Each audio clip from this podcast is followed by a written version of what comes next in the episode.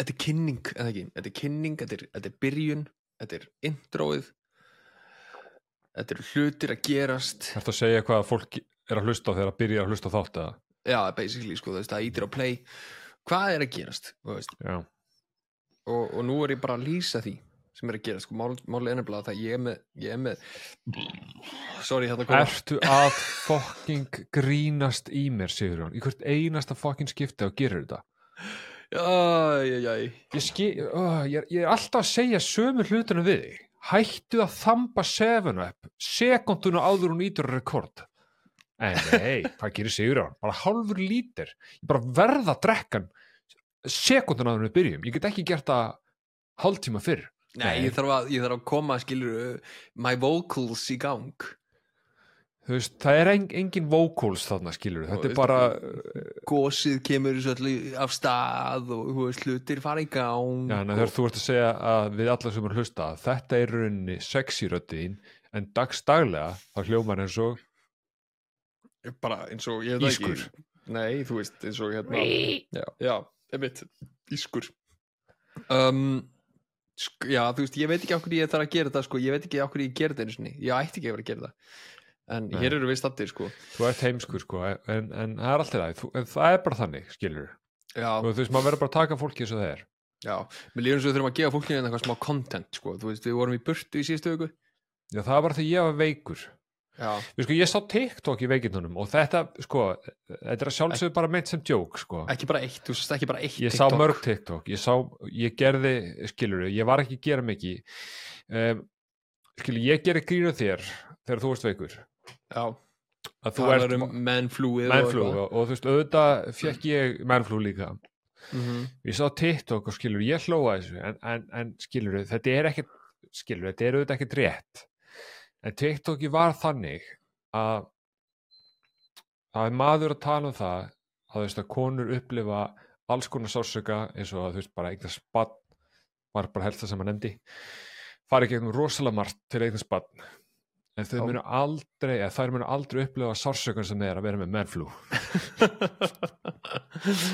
Ah, Það er mikill sásöki sko. Já, þetta er, þetta er bara sársöki sem, að, sem að er bara ekki hægt að útskýra.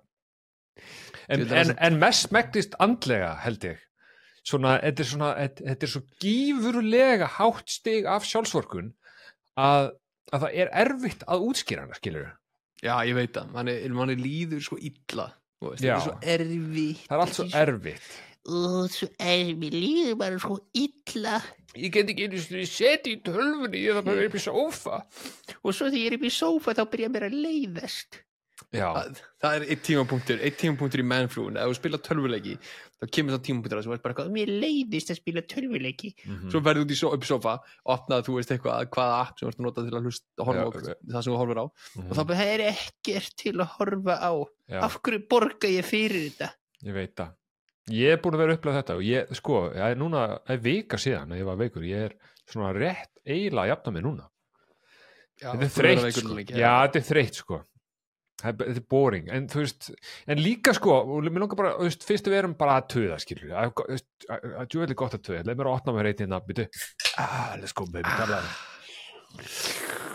ah, ok, hvaðan komið sér fokkin kuldi, Sigurjón, af hverju er allt í innu, af hverju vakna ég einn daginn og það eru bara mínus 30 gráður, af hverju, af hverju búi ég hérna, af hverju búi ég í landi þar sem ég labba út og það er vond fyrir andlitið á mér að vera í verð, veðrinu sem er þar, Þetta er líka, sorry, sko, ok, ég er búin að tala hei- vinnum við það að hitta fólk. Já, já, ég hef búin að basically opna alltaf því að ég stundum með lélugur í svona small talki. Já, mér líður vel í þögn. Já. oft sko Mhm. uh, þannig Ég er, ég er einn sko sem er ástæðan fyrir við erum með podcast þar sem við tölum.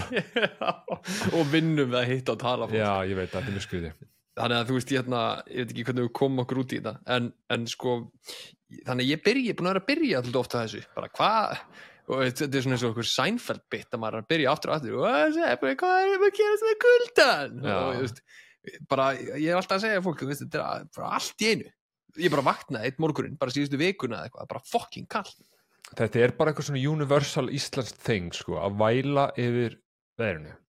En mér líður samt eins og sumarið hafið bara en í- haustið hafi bara ekki átt í stað sko. nei, það er það kallt að millið eins og sé vetur sko. ég veit það. Hvenær er haustið, þú veist, það er núna at the time of recording uh, 11. oktober skilur, það á að vera haust. Það á að vera haust sko. Ég er að Það fara til Prag í næstu viku. Ég er að fara til? Prag já, en ég er að fara til Prag í næstu viku. Og það er, þú veist 12 til 15 gráður eða eitthvað. Það er haust. Já, já, við fáum ekkert haust finnst mér, mér finnst, Nei. við fá, mér finnst við fá vor. Við fáum vor, sumar, vetur. Já, við fáum, við a fáum, long Game of Thrones winter. Við fáum tvo mánuði af vori sem er mæ og júni svo fáum við sumarið í ágúst og svo fáum við vetur. Ok, það er ekki sér fulltur passingleið til að tala um þetta alls mann en, en, en ég er rauð og sumur kannski takast því að ég nefndi ekki júli það er því að júli, júli gerir bara tjóðin sem júli vill sko. Mm. það er enda rétt sko. Júli gerir Já. bara eitthvað. Já, en nógum þetta veður, fáum intro eða let's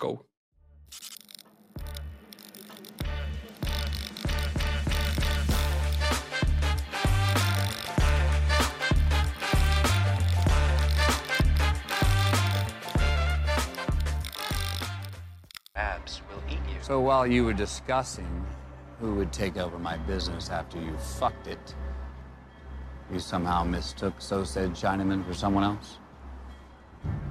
Business is business, Michael. It's nothing personal. And while I am not emotional about the money, there is a price indebted to me for the blood I've gotten on my hands, restoring order to the untidiness that you created.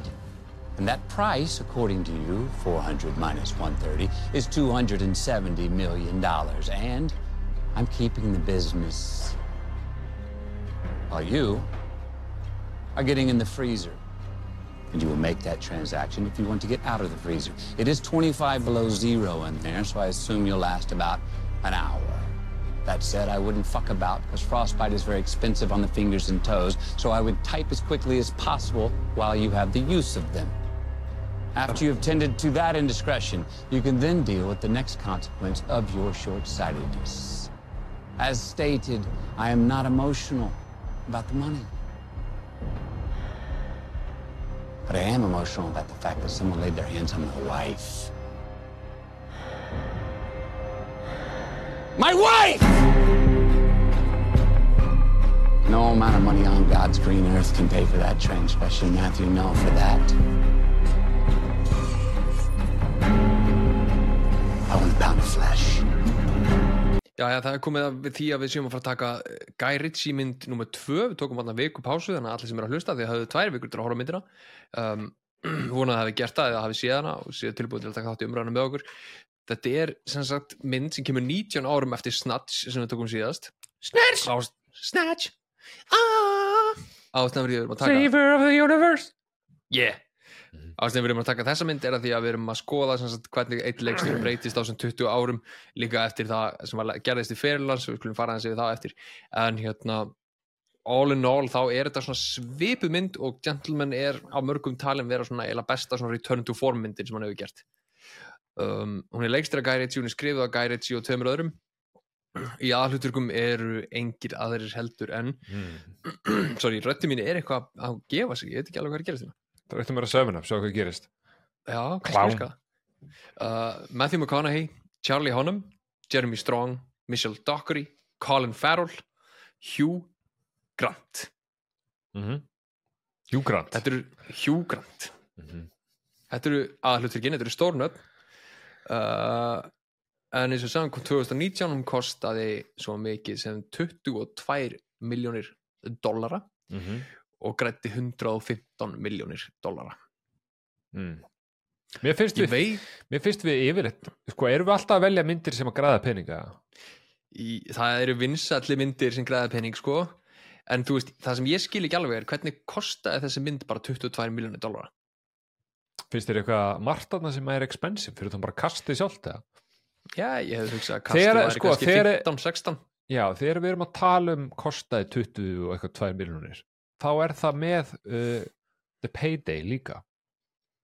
Hjá uh, leikurunum fyrir, já, já, já, já, klálega. Vanalega er bara þessi kostnaður inni heldur ekki markaðskostnað. Ég held að Matthew svona- McConaughey væri skilur 10 miljonar 10 miljonar dólarar maður sko. Já, en svo kemur málið sko að þú veist að sumir vilja bara leika í myndum eftir ákveðna leikstjóra. Og það gæti verið þannig með Guy Ritchie sko. Já, Matthew McConaughey langaður okkur pottet að leika í breskri mynd. Að tala Já, um point Pints, hann náttúrulega leikur bandarækjumann sko. Michael Pearson.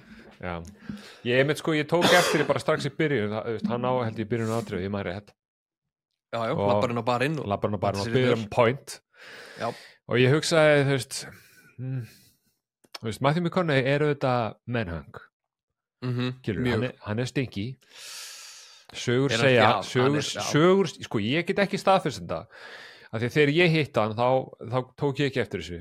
En, en ég hef heyrt sögur af því að hann sé stengi þegar þú hittir hann, já. Já, en hérna ég hef heyrt, sög- ég upplegaði ekki þá sko, en þegar ég hef heyrt sögur hans ég stengi, það var margir hitt, hann noti ekki svitar að treða þetta svona, en hann er mennhang, hann er algjört með hann en það er samt ekki sami sjarmur yfir því að heyra hann segja pint og einhvern skítu hann kokn í breyta, veist hvað ég meina? Ég veit meinar og sko þú veist það er samt Hvað ertu að gera þarna? Ég heyrði, ég heyrði tapparhljóð, ekki neitt, ég, ég er að tappa hérna þagblöðrunni minni uh, þú veist, að öllum hlutum sem þú gast púsla saman í þessa setningu, þá setur þú, æ, já, já, hann er það. Herrar, ekki með, með- verið viðbúin í meira bakflæði, búið sigur hans. þú ekki með þagblöðru það Af hverju ertu svona skrítin? Skilur þú veist, skilur þú veist, ég hugsa að, að margir sem að hitta í fyrst skipti, það sem ert svona tiltörulega representable, að þá haldir að þú sért bara svona einmitt nokkuð eðlilegu gæi, en þú ert Mm. það bara svo innilega ekki. Þú ert svo rosalega skrítin. ég hef mikið að fela sko þú hefur nefnilega mjög mikið að fela og, og ekki og, og sko, allir sem er að hlusta ekki hér halda, úf, hann hefur eitthvað að fela þetta er dulafullt, það er ekkert dulafullt við Sigurjón, sko, þetta er ekki eitthvað mystery man, hann hefur eitthvað að fela og eina sem þú veist er að það er eitthvað meira skrítistöð ekki eitthvað svona spennandi. En þú veist, hugsaði, þetta er bara gott hrós hugsaði ekki hvað ég er góður í að vera svona presentable. Já, já, ég hef alveg "Já, séð þig taka eðlilegt spjall og hugsa, já, ég byrja, hann kann þetta þetta er að fasad þetta er lært Þetta er sko. fasad, já. Þetta er þjálfað fasad. já. En allavega, ok, myndin, myndin áfram. Já. já, sko, myndin byrja á þessu rosalega hérna, þessu rosalega opnuna sem McConaughey er eitthvað, þú veist, you segir hvað, hvað, if you wanna be uh, hvað, king, king of the jungle you, it's not enough to act like it, you gotta be it Right, right, right. Já, alright, alright, alright Alltaf fyndi, sko, ok, þú veist, ok, leið mér að segja þetta hérna Matthew McConaughey er ógslag fyndin persóna um, Óskars veluna leikari Mm. Fyrir hvað aftur? Interstellar? Nei, Nei, ekki hérna, æ, hérna, Dallas Buyers Club já, hann, hann leik ekki Interstellar. Ég, ég var að meina hérna, Vist, hann leik, já, hann leik ekki Inception, hann leik Hann ekki lék- Interstellar. já. Já, já, sorry, ég, er, ég var að ruggla myndum og sen ruggla annari mynd. Já, þetta er allt í lagi Þetta eru báða Nolan myndir, sko Já, takk. Takk, takk, takk, takk. En hann er rosalega, rosalega fyndin gæi, sko af Því að þú veist, hann er Það fyrir ekki Hann er nettur, hann er mjög nettur. og setni helmingurinn af ferilnum hans eins og Interstellar og Dallas Buyers Club og þessi mynd mynd sem heitir Mud það sem er líka gæja sem að heitir Mud og býr á eigu og hún fór Wall Street og allar þessar myndir skilur Mm þar er hann alltaf svona þú veist, alltaf svona cool guy. En, en samt ekki þú veist, samt ekki svona cool guy, hann er meira svona veist, grándaður alvarlegur þú veist, tough guy, skilur Já, hann er svolítið svona veist, eins og hann er í þessari mynd svolítið, hann er með svona um, fasad um hann vilji fara úr uh, the business, skilur, hann vil hætta að vera þessi tough guy en, og vill bara, þú veist, vill vera family man. Já, en hann kemst bara aldrei þangað. Og svo líka, þú veist, hann talar á svona, þú veist, ákveðin máta sem er svona, þú veist, hægt kannski og þú veist, með hann Texas Reim og er eitthvað svona, þú veist, yeah, I'm king of the jungle uh, og, og þannig. En Mhm. svo, ef þú ferð aftar í fyrirlans þá ertu með allar þessar, þú veist, How to Lose a Guy in 10 Days og Sahara og Failure to Launch Fool's Gold og, og þessar myndir sem eru, þú veist svona romantic comedies. Já. Og þá ertu með meira svona, þú veist a rad, rad, rad típu. Mm um, sem að gera til merkilegra þegar þú hlustar á hann í podcastum eða viðtölum. Mm. hvað hann er miklu, miklu meiri svo típa? Romcom típan já, heldur en nokkuð tíman þessi alvarlegi gæi sko. um, en hann púlar það vel sko. Hann púlar óslega vel en það veist eins og fyrsta alvöru svona hlutverki hans var í myndinni Dazed and Confused það sem hann segir ah, rad, rad, rad. Og, og hendur í þarna í eitthvað, that's the thing about love high school girls high school girls man. I keep getting I- older they stay the same, same age. age.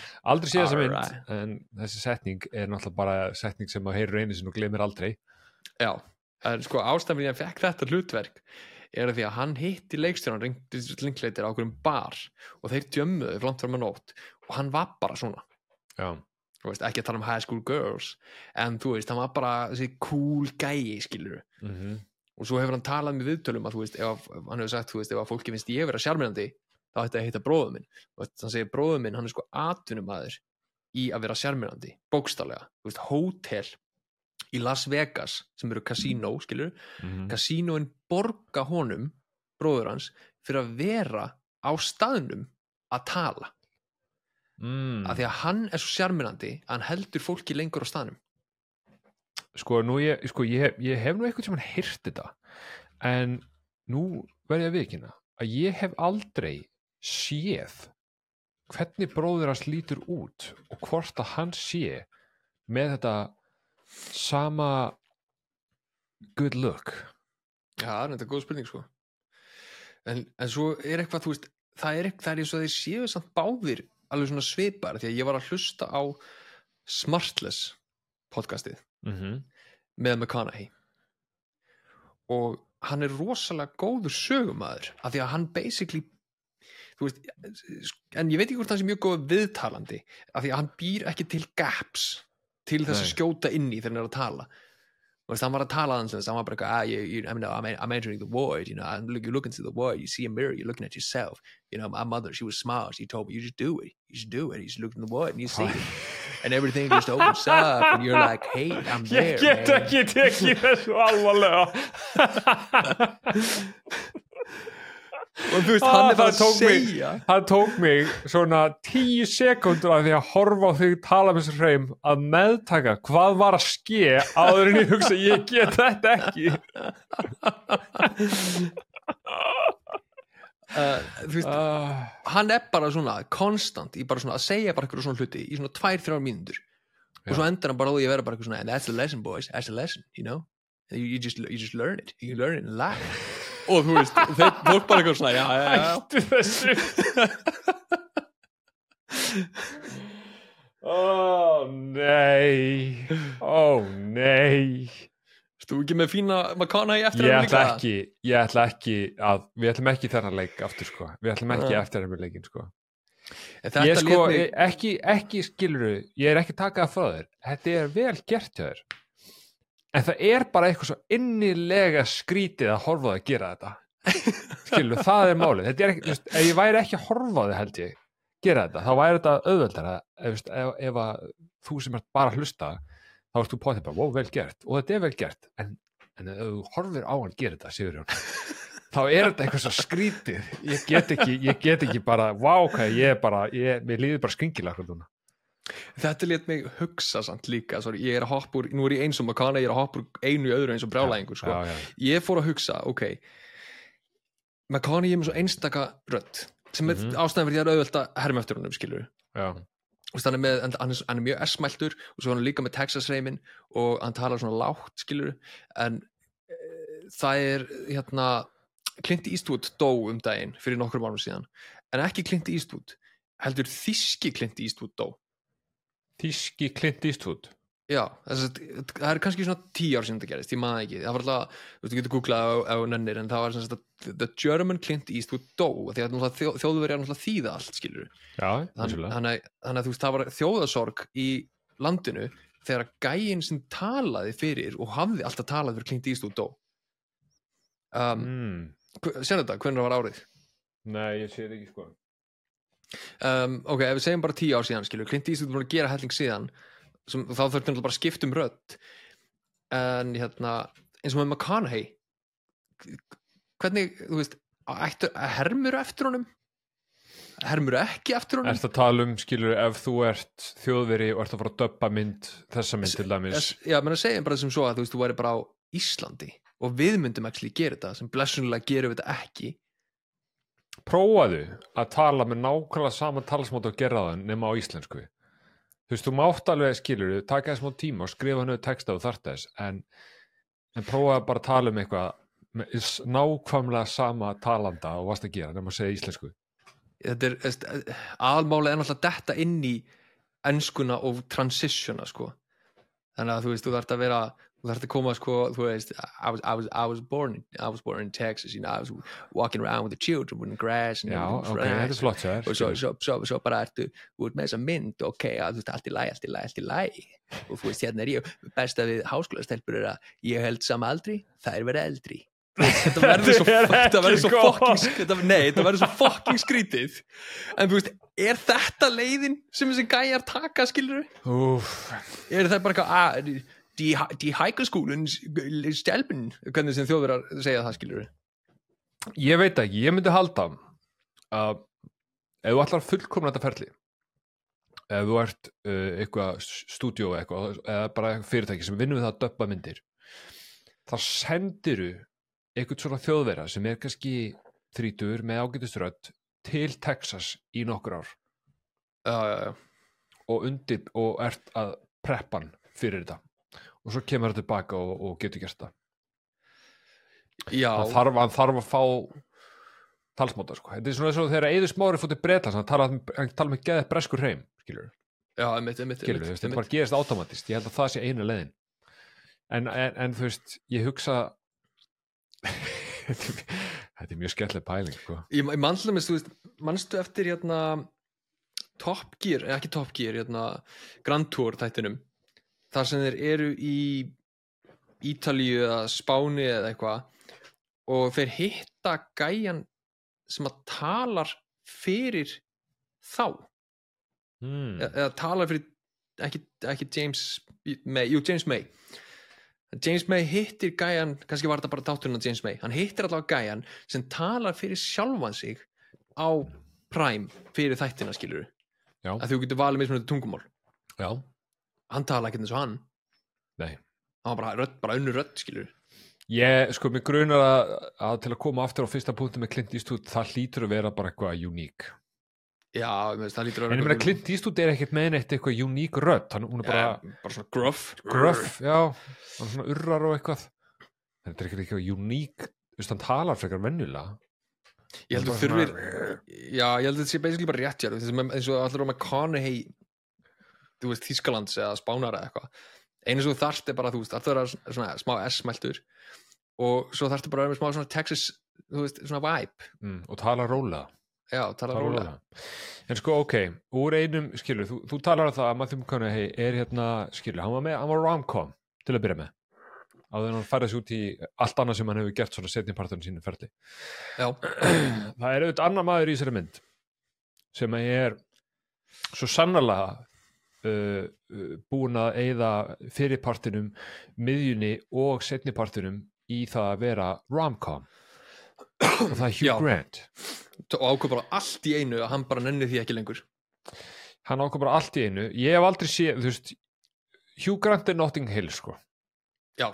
Hugh Grant, Hugh Grant er Mickey Blue Eyes Já. Hugh Grant er gæinn í myndinu við, hvað, of music með, með Drew Barrymore hana, hvað sem heitir, Music with Love eða whatever, hvað sem heitir. Það er Hugh Grant. Þetta sem við sáum hér það er ekki Hugh Grant. En einhver síður brilliant Hugh Grant. Og þetta er örgulega einn skemmtilegasta framista Hugh Grant á ferðlinum hans.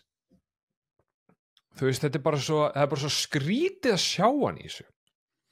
Hann er líka, eins og ég sagði við í síðasta hann er ógæslegur hann er ógislegur og ég hugsaði þú veist, þú veist nú, nú er hann ógislegur þannig ég hugsaði hversu mikið af hlutum er hann að segja í fyrsta skipti on screen?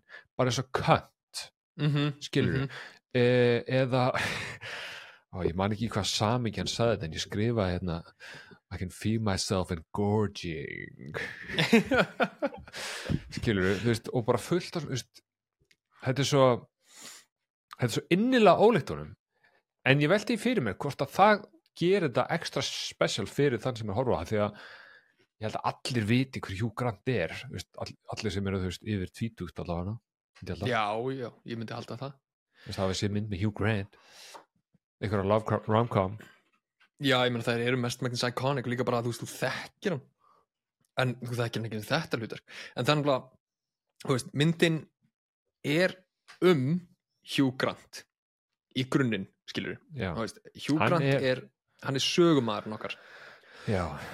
Chi- Chinese, Japanese, Pantanese get on your fucking knees. Emmitt mm -hmm. þar komum við inn á sko uh, það sem að við höfum rætt á þér með þetta svona unreliable narrator að við vitum ekki alveg 100% hvort allt sem hann er að segja sér rétt. Uh, og hann er líka leiðrétt hún er leiðrétt nokkru sinnum af hérna Charlie Hunnam sem hann er að segja söguna því að það basically myndin fjallar um það að hann kemur hann til aðstofamanns Matthew McConaughey og segir ég vil að þið borgi mér 20 miljón pund eða ég fer með allar upplýsingar sem ég veit í blöðin. Mhm. og ég kom með samning þar upp á þú veist 200.000 pund eða eitthvað og ég mun fara með allt sem ég veit. Og ég veit allt. Og þá basically spyr aðstofmannins ó, er það frábært, ok, hvað veistu skilur og Hugh Grant fer bara þarna í þryggja klukkutíma ræðu Mm uh, að segja mjög góð saga. -hmm. og þú veist, maður svona veit ekki hvað á þessi rétt og hvað ekki. Þú veist, Kartinus Charlie Hunnam, hann er svona eitthvað aðeins að efast suma hlutina, skilur við, líka, það er náttúrulega feika líka, að sumt þessu ekki gerst, en það er eitt, þú veist, ógeðslega skemmtilegt atriði í myndinni þar sem að hann er sem sagt, að hérna, aðeins að svona krytta sannleikan, að því að ekki nógu það að þessi saga sem hann er að segja honum sé sem sagt sönnunargögnin hans, heldur er þetta líka kvikmyndahandirinn sem hann er búin að skrifa. Mm þannig að við áhörundin erum að horfa á bíómynd sem að Katarina Hugh Grants er búin að búa til utanum allt sem er búið að eiga sér stað síðustu vikur. Og atriðið sem að ég er að tala um er þegar að þessi karakter hann að Dry Eyes kemur til Matthew McConaughey til að kaupa á honum business. Veistu hvað, segir hún? Ég er með nákvæmlega sam atriði skrifa niður hérna ja, þetta er, þetta er brilljant atrið ég veit að byrja þetta, já, bara áfram. Um, og, og það, er, það eru tveir hlutir sem eru mjög merkilegir við þetta og það er, það er sko fyrsta er það að þessi gæði kemur inn móðgar Matthew McConaughey sem er í sitt, þú veist, grasbaron mm segist til að kaupa business hans. Og hann segir hann er ekki til sölu uh, og sérstaklega ekki til þín. Og hingæinn hótar aðeins McConaughey og, og McConaughey sýnir honum að til að vera the, the king of the jungle þá þarftu að be the king, ekki bara act like the king. Og Mhm. skýtur hann í eistun -hmm. flippar, skýtur aðstofamann hans flippar borðinu, öskrar á hann kemur þessi geggja tónlist í bakgrunn. Og svo er hann öskrand á hann eitthvað og ætlar að fara að skjóta hann og Charlie Hunnam stoppar hann og segir hei, hei, hei, hei þetta gerist ekki. Og hann eitthvað, ég veit alveg þetta gerist ekki. Ég er bara aðeins að krydda sannleikan skilur en þetta það er í fyrsta skipti sem að þetta gerist held ég. Það sem að það er stoppuð að, það sem að þú rewindar. Já, já, já, ég held þetta er búið að vera bara, þetta búið að vera bara flow bara sagan, sagan, sagan, sagan, sagan, sagan, sagan. Og svo gerist þetta og ég er með hugsaði shit, þetta, er- þetta, mér fann, þetta kom pínu óvart þetta, spilaði svona út. Mm þetta var svona ólíkt Matthew McConaughey í myndinni. Já, Svo er ólítið sem rólega karakter sem þú búin að sjá sko. mm og svo einmitt bara, þú veist, skýtur af eistun og einmitt, eins og þú segja, og dregur hann eftir gólfinu og, og svo bara, einmitt þetta gerist ekki. Og þetta, þetta kom mér mjög skemmtilega óvart allt þetta atriði. Já, þetta er, en svo endur speklar þetta atriði sem gerist aðeins setni myndinni sem er nánast alveg eins en það er sannleikurinn. Þá er hann búin að, sagt, í staðin fyrir að skjóta gæjan í eistun, þá er hann búin að eitra fyrir hann um teðans og um Mm. leið og gæjan ælir þá flippar með því með kana í borðinu tekur upp byssu en heldur samt kúlinu veist, hann er Mhm. orðin frekar reyður en hann leggur svo frá sér byssuna þannig að veist, þar sér maður að þetta er actually leiðin sem hann hótar fólki hann Mhm. skýtur það ekki í eistun og það heldur kemst hann í drikkiðinn á þess að vitur að því eitra fyrir þér og þú veist ekki hvenar þú ert að fara að deyja og hvenar ekki sko. Nei, ég held einmitt sko að auðvitað var ég að sjá þessa mynd í fyrstskipti um, og ég held og bjóst ekki við því verði að viðkynna að ég myndi sjá contender fyrir mestu ælu sem ég séð á æfinni on TV ég veit alltaf að Sigur var að væri Team America skilur það er ekkert aðtrið sem að Sigur Team America. En þegar að þessi hérna Lord George eins og hann heitir um, hérna Asjubúinn sem að stjórnar einhverju gengi ælir hann yfir allt saman. Ég, veist, ég vissi ekki hvert ég ætlaði sko þetta var svona, þetta er bara svona sprautu æla, þetta er bara Já, svona þetta absurdly mikil æla. Svona comically mikil æla sko. Bara, Þetta hún er fór líka comically yfir mikil æla. jakkan fór líka yfir jakkan kona í já, ég veit það. Þetta er, af hverju er þetta svona comically mikil æla? Þetta, ég held að það sé öruglega af því að Hugh Grant er að segja frá þessu. Já, það hlýtur að vera. Að Það var eru- svona, alveg svona extreme sko. það eru margir hlutir í, eða, veist, sem að gera þessa mynd svona fyndna, fyndna ish skilur, ekkert Mhm. endilega fyndna haha og fara að hlæja, bara svona mér finnst sniðut ælan er til dæmis eitt dæmi. Annað dæmi sem að ég hafði hérna hafði mjög gaman af var að hérna það er sérst ykkur maður sem að vinnu fyrir hérna, hvað heit hann, Dry Eye. Já, sem að segir ykkur um hópamönnum hvar eitt af þessum marihuana plöntum eru. Og það sem er fyndnað við það að hann heitir fuck. Mhm, mhm. Eða f- eða- eða f- fuck eða p- p-hook eða fuck, P-H-U-K p-h-u-k og þau geta ekki átt að segja hvernig er ég að segja þetta og, veist, og, og mér fannst, mér fannst þú veist, þessi, þessi gæi Guy Ritchie, eða svo sem skrifaði þennan part af sátiði, hann hefði getað skýrt þennan mann hvað sem er. Skilur hinn heitir Lord George. Dry Mhm. Eye og Fuck. Hann, hann, hefði getað heitir hvað sem er en það hann heitir Fuck. Eða Puck eða Puck er svo fucking sniðugt og fyndið.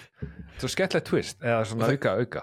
og það gera það líka svo ógeðslega fyndið að þú ert með sko, að, aðalgæðir sem tala við hann eru hérna þú veist, Cardinals Charlie Hunnam og svo, og svo hérna hann uh, hérna, oh shit, ég misti þess sem leikur þjá, coach. Colin Farrell. Colin Farrell. Og þeir eru báðir mjög kurtið sem menn. Mm -hmm. þannig að þeir eru svo mikið að reyna að segja nafnið hans á réttan máta. Já, að með það- setja hann í skottið. Já, en svo, en svo hann alltaf bundið fyrir sko andlita á honum.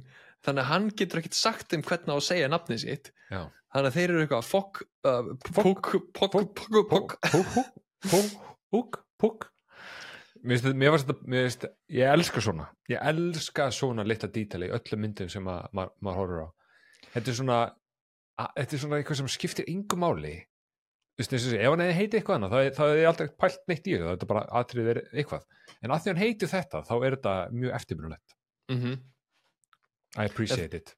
En þetta færir okkur líka að öðru sko, að því að þú segir að myndin sé fyndin hún er ekki haha fyndin nú erum við með mynd sem að gerist 20 árum eftir hérna Snatch eða tekin upp, þú veist, 20 árum síðar Snatch er mjög haha fyndin mynd á köflum mm. en líka svona, þú veist alveg virkilega hlæja mynd um, hvað er mikill munur á því hvernig hann er að setja upp sögurnar og, Mm. og hvað, hvað hann hefur lært mikið einhvern veginn á þessum tíma að því að þú veist Snatch er kaotísk, hún er rosa kaotísk Mm -hmm. Og þú veist, hún er svo mikið af sögutráðum sem eru bara svona berjast um að komast út og það er einhvern veginn allt svona springur í andlitaður í endan Mm -hmm. uh, hérna ertu með þú veist, svona mjög fallega sett upp svona eiginlega bara svona þrjá sögutræði Mm -hmm. sem að vissulega saminast skilur og á ýmsa máta en þeir eru miklu hreitni Þeir eru miklu tengdari. Já og miklu tengdari. Heldur en, en snatch. Og fyrir viki líka þú veist ertu með meira svona meira kohærent sögu? Það er ekki jafn mikið af svona hérna, tilviljunum að þessir karakterar og þessir karakterar skildu hittast. Nei, uh, það er það þú veist, pjúra tilvílun snatch. Alveg, alveg bara 100% absurd Og- tilvílun já, sem að þú basically þú veist, snart gerir það að verkum að þú þart aldrei svona að leggja um, svona suspension of disbelief til hliðar og bara svona basically kaupa það sem að myndin er að segja þér. Já, en hérna er, þú, þú kaupir þetta þú veist, þetta er actually bara, þetta er mjög einfaldu söguthröður, þetta er bara Matthew McConaughey á þetta marijuana empire og hann vil selja það skilur mm og þar koma inn þessir ákveðni karakterar sem að vilja kaupa það. Er ekki gæin, gæin sem leikur ef svo má segja aðal vondakallin hvað heit, er það ekki gæin í Succession? Jú, Jeremy Strong. Jeremy Strong já, já, já. Hann, er, hann er áhugaverður áhugaverður típ, ég hef ekki hort á Succession ég veit að þeir eru mjög góðir. Hann er mjög góður í þeim. Hann er áhugaverð típa. Svo gay, ég, veist, ég mani ég heyrði eitthvað tíma hann er svona method gay Já, á Succession þá var hann vist ekkit vola mikið að tala við neitt já, einmitt, er þetta ekki, hvað er hvernig margar seríur á Succession, uh, fjórar. Einmitt fjórar fullar seríur af ekki tala við neitt að þú verður að vera í karakter. Já, það er líka frekar fyndið að hérna, uh, Succession er alltaf byggt á þú veist, uh, Fox fjölskyldunni uh, og Brian Cox er að leika, þú veist, pappan. Mm. og hérna og Brian Cox er alltaf, þú veist hann er alveg komin á aldur, ég veit ekki hvað hann er 80 og eitthvað kannski. Og hann er búin að vera svo lengi í bransanum að hérna í öllum viðtölum þá er hann svona alveg, þú veist, alveg létt vel að drulla yfir það hvernig Jeremy Strong er. Já, segir þetta sé svo mikið kjátaði sko. Já. Þetta er ekki Skilji- gamli skólinn sko.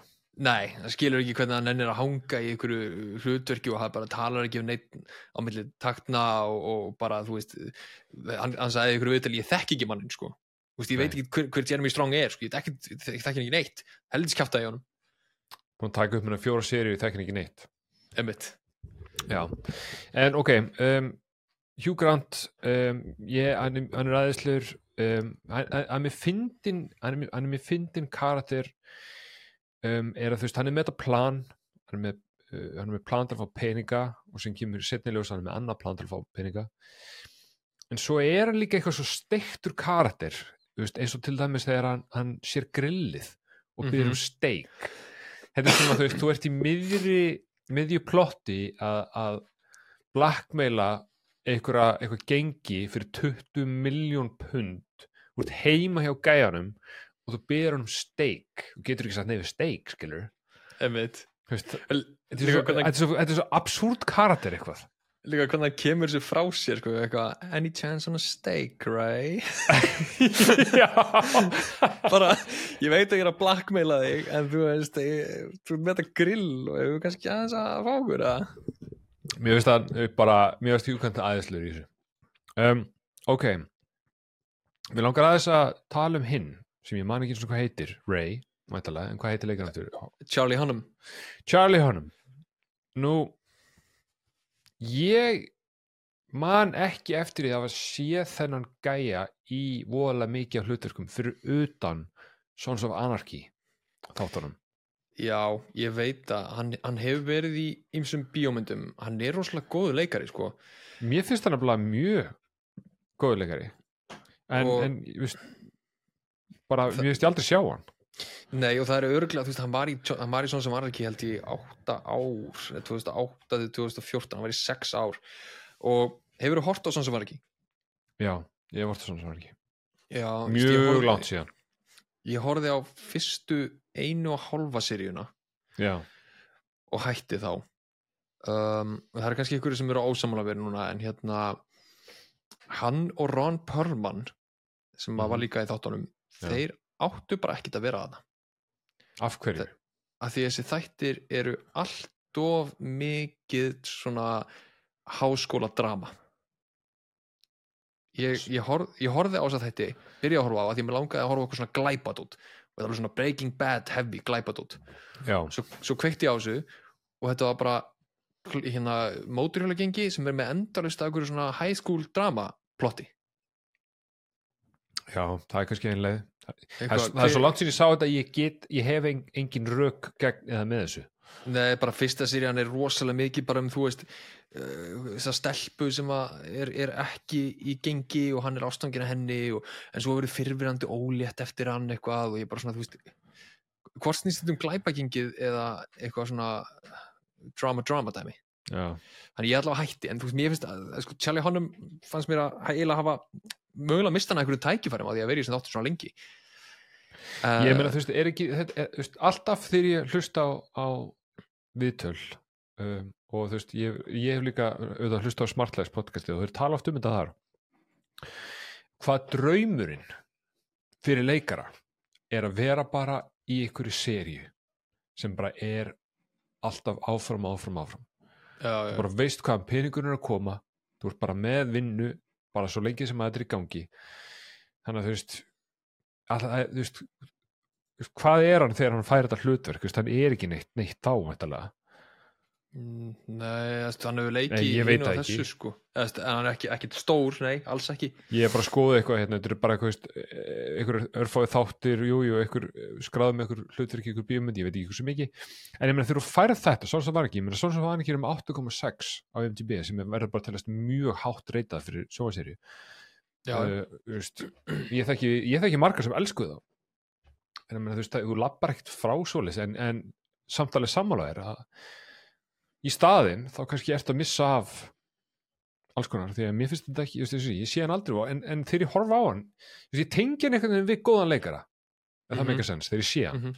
sammála Og það, að hann var líka rosalega um leið og hann hætti í Sons of Anarchy þá var hann basically strax komið hlutverk í Pacific Rim sem að myndið til Guillermo del Toro Mm. uh, eftir það fór hann beint í aðra Guillermo del Toro mynd uh, svo fór hann í Guy Ritchie mynd sem að hétt King Arthur sem var því miður að mínum að ekki góð uh, og hún var rosalega skrítin. Þetta var svona eins og Guy Ritchie að búa til þessa típu af mynd veist, svona fyndna breska glæpamynd nema hún var um King Arthur.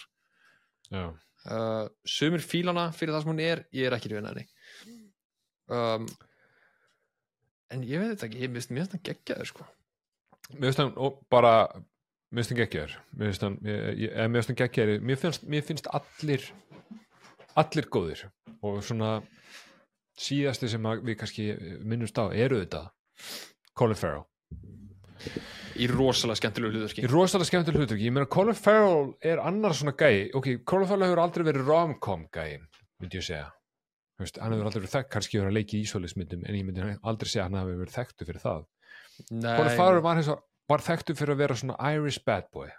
Er hann ekki, er hann ekki Irish, er rúkla jú, jú, Já, ískur, jú, jú. Irish bad boy sem er ógeðslega myndalegur yep. skilu, það er það sem Colin Farrell var frægur fyrir á sín tíma og drullu fokking góðu leikari þegar hann fer að tala með ískum hreim hann hann er ekki með góðan bandarskan hreim og bandarækjumenn reyndu af ykkur ástæða að tróða honum aftur og aftur í hasamyndir með bandarskan hreim og það gekk ekki upp Já. En hérna eru við með hann, heldur betur ekki með bandarískar heim og heldur betur ekki Pretty Boy. Nei. Hann er, ég veit ekki eins og hvað var á að kalla hann. Hann er í einhvers konar flaugjels, uh, þú veist, joggingalla mm með skrýtna, mjög skrýtna hárgreðslu, mikið skegg og, oft hatt en Guð minn góður þau introið þegar við fáum að kynnast honum bara fyrsta atriði. Og bara allt sem því tengið skilu fyrsta atrið sem hann kemur í er hérna inn á okkur um uh, kaupa kjúklingi eða eitthvað, þetta er eitthvað svona búlla. Já, þá sé bara eitthvað. Já, við kanni og hérna og, veist, og það er einhverju að rífast og, og, og það er sem þessi- myndir báðir eru svo góður í svo, þessar línur sem eru svo fyndar, sem eru svo sniðar og hann einhver tímundi segir putting the gay in Marvin Gaye það er svo góð lín er you're svo putting the gay in Marvin Gaye son já. Þetta er svo þetta er svo uh, þetta er svo æðislega góðar línur. Það, veist, og yeah, það er sem finnst svo mjög skemmtilegt við báður þessar myndir. Er bara, það er svo gaman að hlusta þær. Það er, það er líka sko eitt með veist, þetta atriði og þú veist, mér finnst eins og þetta atriði sé sko ákveðin brandari á einni línu líka skilur að því að hann er að skóla á til þessa stráka en hann er Mhm. bókstaflega líka að skóla á til hann Já. er að kenna þeim að haga sér og hvernig þeir ætti að vera ógn einhverjum ef þeir vildu gera það en hann er samt að berja á það sama tíma skilur já, og veist, þeir eru eitthvað að halda okkur nýf og hann er eitthvað, if you're gonna stab somebody then do it og þú veist, rífur svo af honum nýfin og lemur hann í andlitið og, og en, þá náttúrulega kemst maður að því að þessi gæi er eitthvað svona coach já hann heitir bara svona- coach. Já, heitir bara coach, tekur ykkur að vandra að stráka til sín uh, gefur þeim tilgang og hérna reynir að halda þeim úr, úr, úr vandræðum. Já, og þú veist og og líka, þú veist, veist, það er sínt þarna þegar að hérna, marijuana plantationi eða hérna, böngeri er rænt. Og úr því verður eitthvað rappmimband ég, mér fannst það svo fucking fyndið. Mér fannst það svo, mér, þetta er svo ga, galin pæling, en mér fannst þetta svo fucking töff. Mér fannst þetta svo ógeðslega töff. Bara hvernig þetta er útfært. Um, ég veist, ég átti alls ekki vona þessu, ég elsk og veist, ég hef oft sagt það með þér, sérstaklega, veist, ég núna að því að við erum alltaf, þú ert alltaf ráðum að horfa okkur að bíómyndir skilu og ég er alltaf að þykist rúslega sniður og, og láta þess að maður getur séð hlutinu fyrir. Þú veist, á engum tímabúti gæti ég einu sinni byrjað að hugsa um það hvað næsta atrið í þessari mynd er. Það er bara ekki sens þú veist ekkert hvað er að fara að ske sem að er frábært fyrir mig allavega. já, já. Og rosalega vel útvært líka. Það er gaman að horfa á þessa mynd, hún er skemmtileg sko. Þetta er mjög skemmtileg mynd og þú veist, one-linerar uh, og allt það. Um, þá er þessi mynd bara mjög góð veist, samræður, allt sem er sagt í henni er, er bara eitthvað nýtt með það. Sumt er fyndið, sumt er bara spennandi, en eitt sem var ekstra spennandi og, ég, veist, og nú við ekki að þú veist að vika rúmum sinni horfðamyndina og já, við vorum alltaf báðið tilbúinir í síðustu þannig hún, já, ég horfði hana fyrir síðustu viku en, en svo bara var ég, fekk ég the man flu þannig að, veist hvernig það er. En þegar okkar maður Ray fer í hérna íbúðuna þar sem við erum að sprauta sér heroinni til þess að sækja dóttirina já, um, ég man bara eftir í ennþá yfir allt þetta atrið þetta er mjög svona, þú veist, það er, það er eiginlega það er engin tónlista en eitt í gangi þetta er bara samræður. Og þetta er svo ógeðslega intense. Og ég man bara að yfir allt þetta atrið þá ég gat ekki hægt að horfa veist, ég var algjörlega limdur við skjáin þegar þetta atrið er í gangi. Og svo klárast það og þá áttaði ég með því að ég er ógeðslega stressaður. Já, og ég hafði ekki tekið eftir þetta er það intense og ég var það sokkin inn í það sem þau voru að segja að þegar að ég fæ svona þegar allt henni er klift út ég veist, hvort að það var þegar að veist, gæðin flög frá maður svölunum eða hvernig sem það var og þá allt henni bara húf og þá áttaði ég mér að wow, ég er bara ég er bara stressaður að horfa á þetta sko bara, ú, er heittir inn eða? ég veit, en þú veist þú veist þegar þú lendir ykkur svoleiðis að þá ertu að horfa á eitthvað sem er gott Já, þetta er, þetta er, þetta er actually, veist, myndin er að grípa því, sko, það er sem að skipti til þeim eitthvað máli, sko. Uh, og ég held að það sé líka eitthvað sem hann hefur lært á þessum árum er að fullkomna aðeins meira þetta skemmtilega svona, ég veit ekki hvort maður er að kalla þetta beint genre, en þessi, þessi bara hann, skilur mm -hmm. að því að þetta er, svo, þetta er alveg svo einstaklega mikið gæritsi og, Já. og, og þú veist, nú ertu búin að sjá tvær myndir eftir hann uh, og það- restin af katalógnum hans, af góðum myndunum er að segja, eru basically svona myndir skilur, Mm en þannig ertu komið mynda sem eru búin að basically búin að gera það oft að þetta er svona, ok, ég er komin eiginlega með svona the hang of it og þá nær hann að búa til svona atriði í myndum sem eru basically svona hasar grínmyndir, það sem þú ert alveg bara svona, þú veist, þá heyrðu, wow, hvað er að fara að gerast hérna? -hmm. uh, og hann, hann fær líka þarna í þessu atrið þetta tækifæri til að sína að þú veist, hey, þessi gæjar hérna sem er fylgist með, þeir eru ekkert grín sko. já, þeir eru ekki grín sko. veist, þeir lenda kannski í skrýtnum hlutum en þessi gæjar, þeir eru ekkert að fokkast. Ég veit og, þetta- og þetta er mitt atriðið mitt sem ég var að tala um þetta er tvískipt af því að þú ert djúpt sokkin í það að þetta er mjög tens og þessi gæjar, veist, Ray og þeir, þeir eru ekki fucking around sko. en svo alltaf inn á milli er klift á gæjar sem með honum og hann er að lesa blaðið bara eitthvað svona já, sem áuruglega svona aðeins að kippa þér út úr intensinu og síðan er þú settur aftur inn í það. En þú veist ég veit ekki, mér fannst þetta bara veist, það er ekki oft sem ég hef upplifað þetta nefnum bara, veist, ekki, ekki eitthvað svona veist, bara svona virkilega að fá bara eitthvað svona intens til þetta bara, eins og horf hryllingsmynd ég var ekki hrættur, ég var bara ógisla þetta var, ég, ég, ég, ég, tók bara svo vel eftir þessu. Mm ég tók bara svo ógísla vel eftir þessu þegar þetta atrið kláraðist að að ég var alveg bara úf, wow, wow, wow, wow, ég er með árnæðu hættum ég mun alltaf, þú veist, ég verða að fá að koma á hérna, nokkrum svona skemmtilegum punktum á framfæri já. Ég veit að þú elskar þá þannig að það komið tíma, tíma að koma þeim frá bræ já, er, er, er, það, er það svona loka hérna? Já, Lok- þú mátt, þú mátt líka ef þú vilt, er eitthvað sérstætt sem þú vilt koma að segja á undan, þá bara endilega. Nei, þú veist, það var í rauninni ekkit. Ég var búin að, það er tvent, bara tvö, tvent stutt, annars vegar konan uh, Matthew McConaughey, Ross, já, sem að hérna hérna Lady Mary í Downton Abbey. Lady Mary, Downton Abbey, ah, einmitt, þar hef ég, ég, hef hort á margar sériu Downton Abbey, ég held ég hef ekki klárað það samt, en já, ég vorti á allt og báða bíómyndar geggjastöf þetta er er bara alvöru svona, hérna ertu bara hlusta, Já. situr bara hlustar. Um, mér fannst annar karakter sem er geggjaður og sérstaklega fannst mér töff þegar að maðurinn, oh, hvað hét aftur hérna strong karakterin í þessari mynd? Mm, ég get komast það bara mjög snögglega. Hann heitir Matthew. Matthew, þegar hann gefið þeim hérna svona þess að token of good faith gefur hann gefur Michael svona litla byssu, paperweight eins og hann kallaði það. hann getur allt verið, paperweight.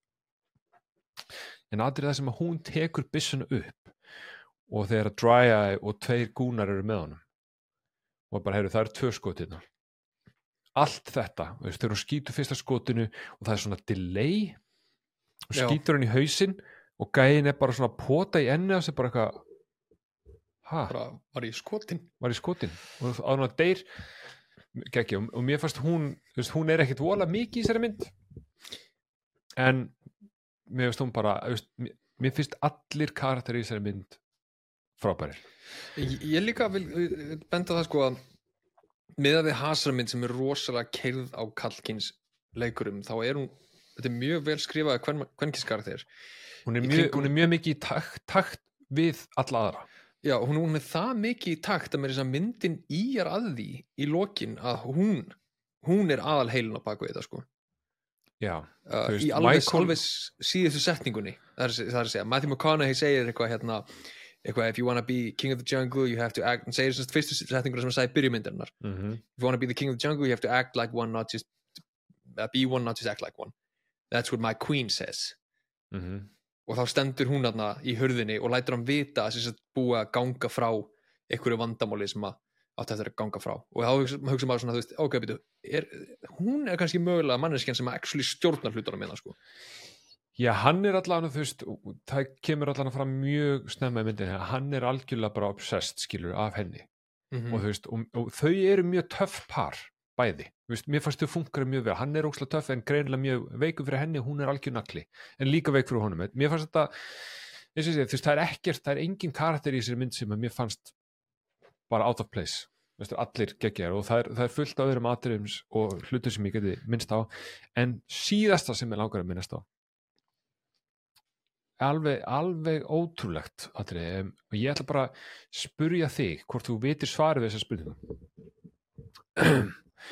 Ef þú ert að gera dubious business, Sigurjón þú ert Mhm. að gera hluti sem að þú vil kannski ekki að einhverjur uh, komist að.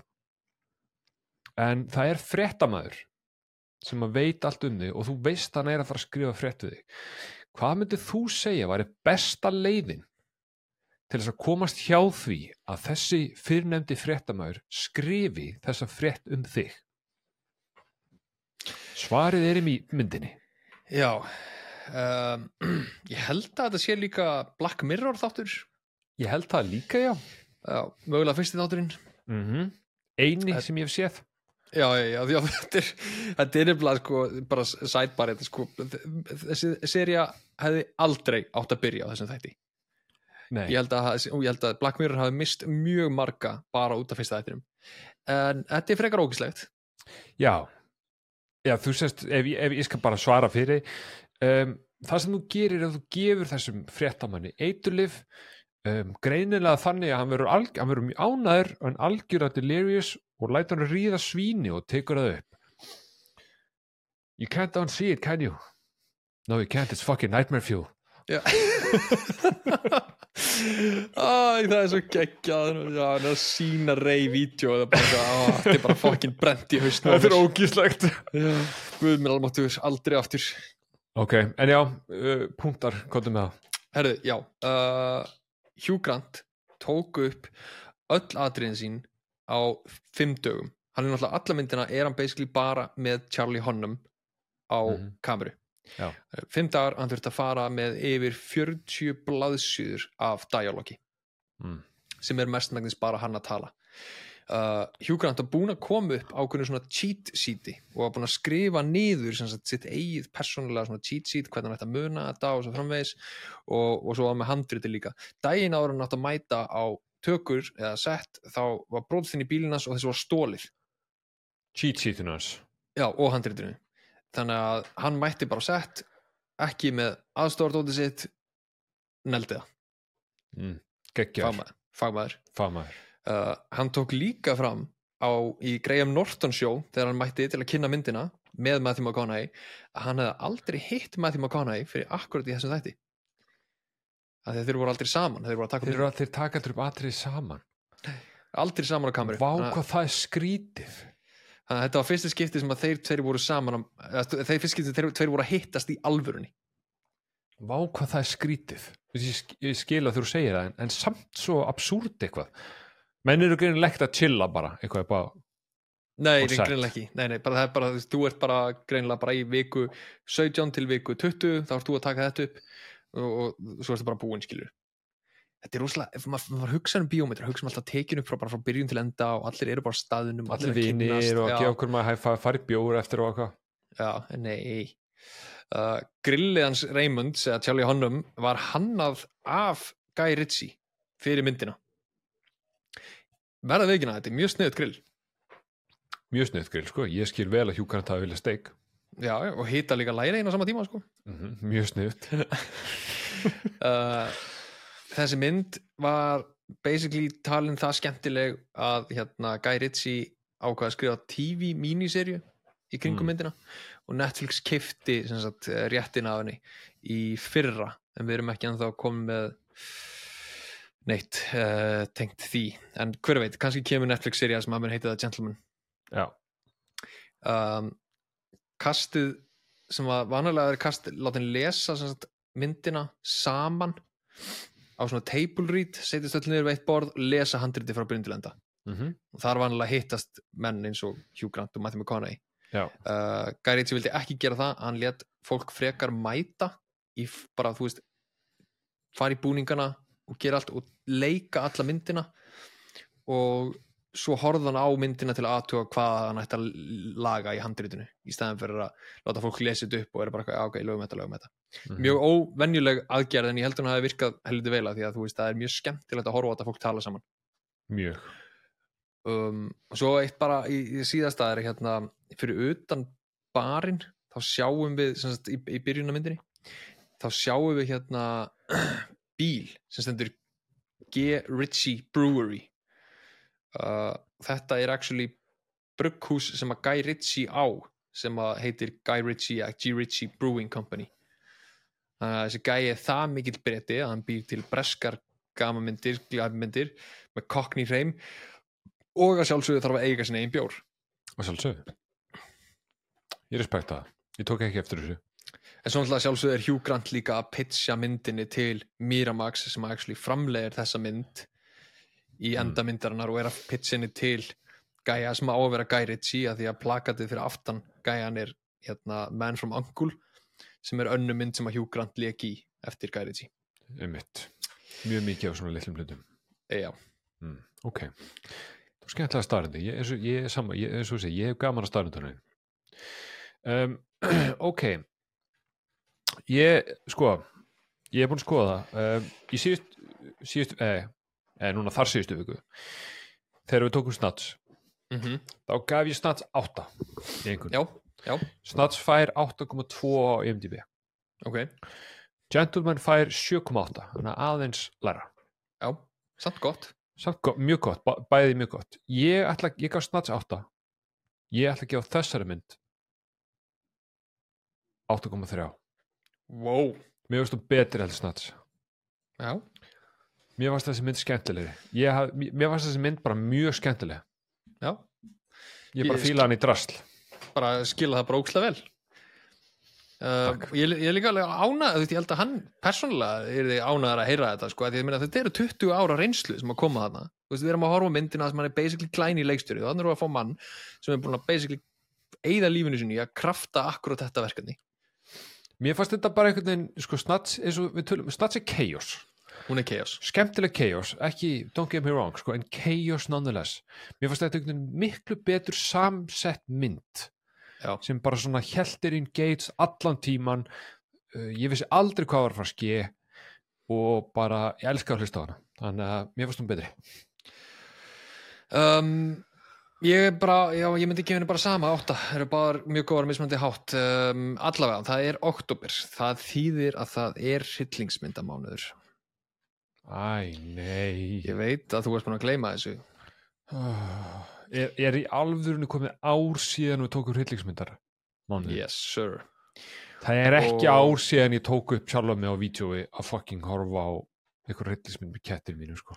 það er ár síðan Ég ætla ég ætla að gera þér lítinn greiða við um, ætlum að taka byrja allavega á því við ætlum að byrja á því að taka hryllingsmynd sem að heitir The Cabin in the Woods hún er einn og hálfu tími og ég heldur mér að hafa mjög gaman að henni Hvað er það sem fær þið til að halda það? ég hef séð hana og uh, ég get ekkert sagt þér en þetta er Vá. hryllingsmynd og þú myndi Ok. hafa gaman að henni Já, já, frábært. Ég er alveg rosalega spenntur. Ég, ég, ég er mjög inclined að skrifa hérna að ég er með MTB opið the Woods. Ég ætla ekki að gera það. ekki gera Ég, það, ég mátt gera það aldrei. Nei, ég gera það aldrei. Ég skoða aldrei mynd, neittu myndin sem við erum að fráhorfa á. Ég ætla ekki að gera það. En ég vil bara hafa það on the record segir hjá að ég er ekki spenntur fyrir þessu mánuði. Ég er ekki spenntur fyrir hryllingsmánuðinum. En sko, ég þarf bara að vita eitt, þú, veist, þú, við höfum hort að Evil Dead, þú hefur séð svona hryllingsmynda, þú veist, sem fara í, út í Cabin in the Woods og allir eru svona, þú veist, það er drekka og, þú veist, alltaf þau stundar kynlíf að deyja þau og svona, eða ekki, Uh, jú, bara klassiska, skilju. klassiska, já, ok, glæsilegt. Þá, Cabin in the Woods er myndir sem við ætlum að horfa á. Uh, ég get bara sagt að það er frábæri fréttir að Chris Hemsworth leikur í henni. Nú já, það er enda hjálpar. Það hjálpar sko, hann er hung. Hann er, hang, er alltaf hang. Lilla kálfa samt. Já, það. Hefur ekki séð myndin á þeim þegar hann, eh, sem hann sett post á Instagram, hann er geðveitt stóra og sem er pingur illa fætur. Er hann að skipa legdegi? Já, hann er að skipa eftir. Ég skal, hérna, ég skal senda þessu mynd hérna eftir. Já, eftir. já, endilega Herði, ok, þá bara heyristu því næstu viku með Cabin in the Woods, fyrstu hryllingsmynd uh, mánaðarins af já, ég held þremur já, tökum þrjár Frábært, fólk að er. Bye! Bye!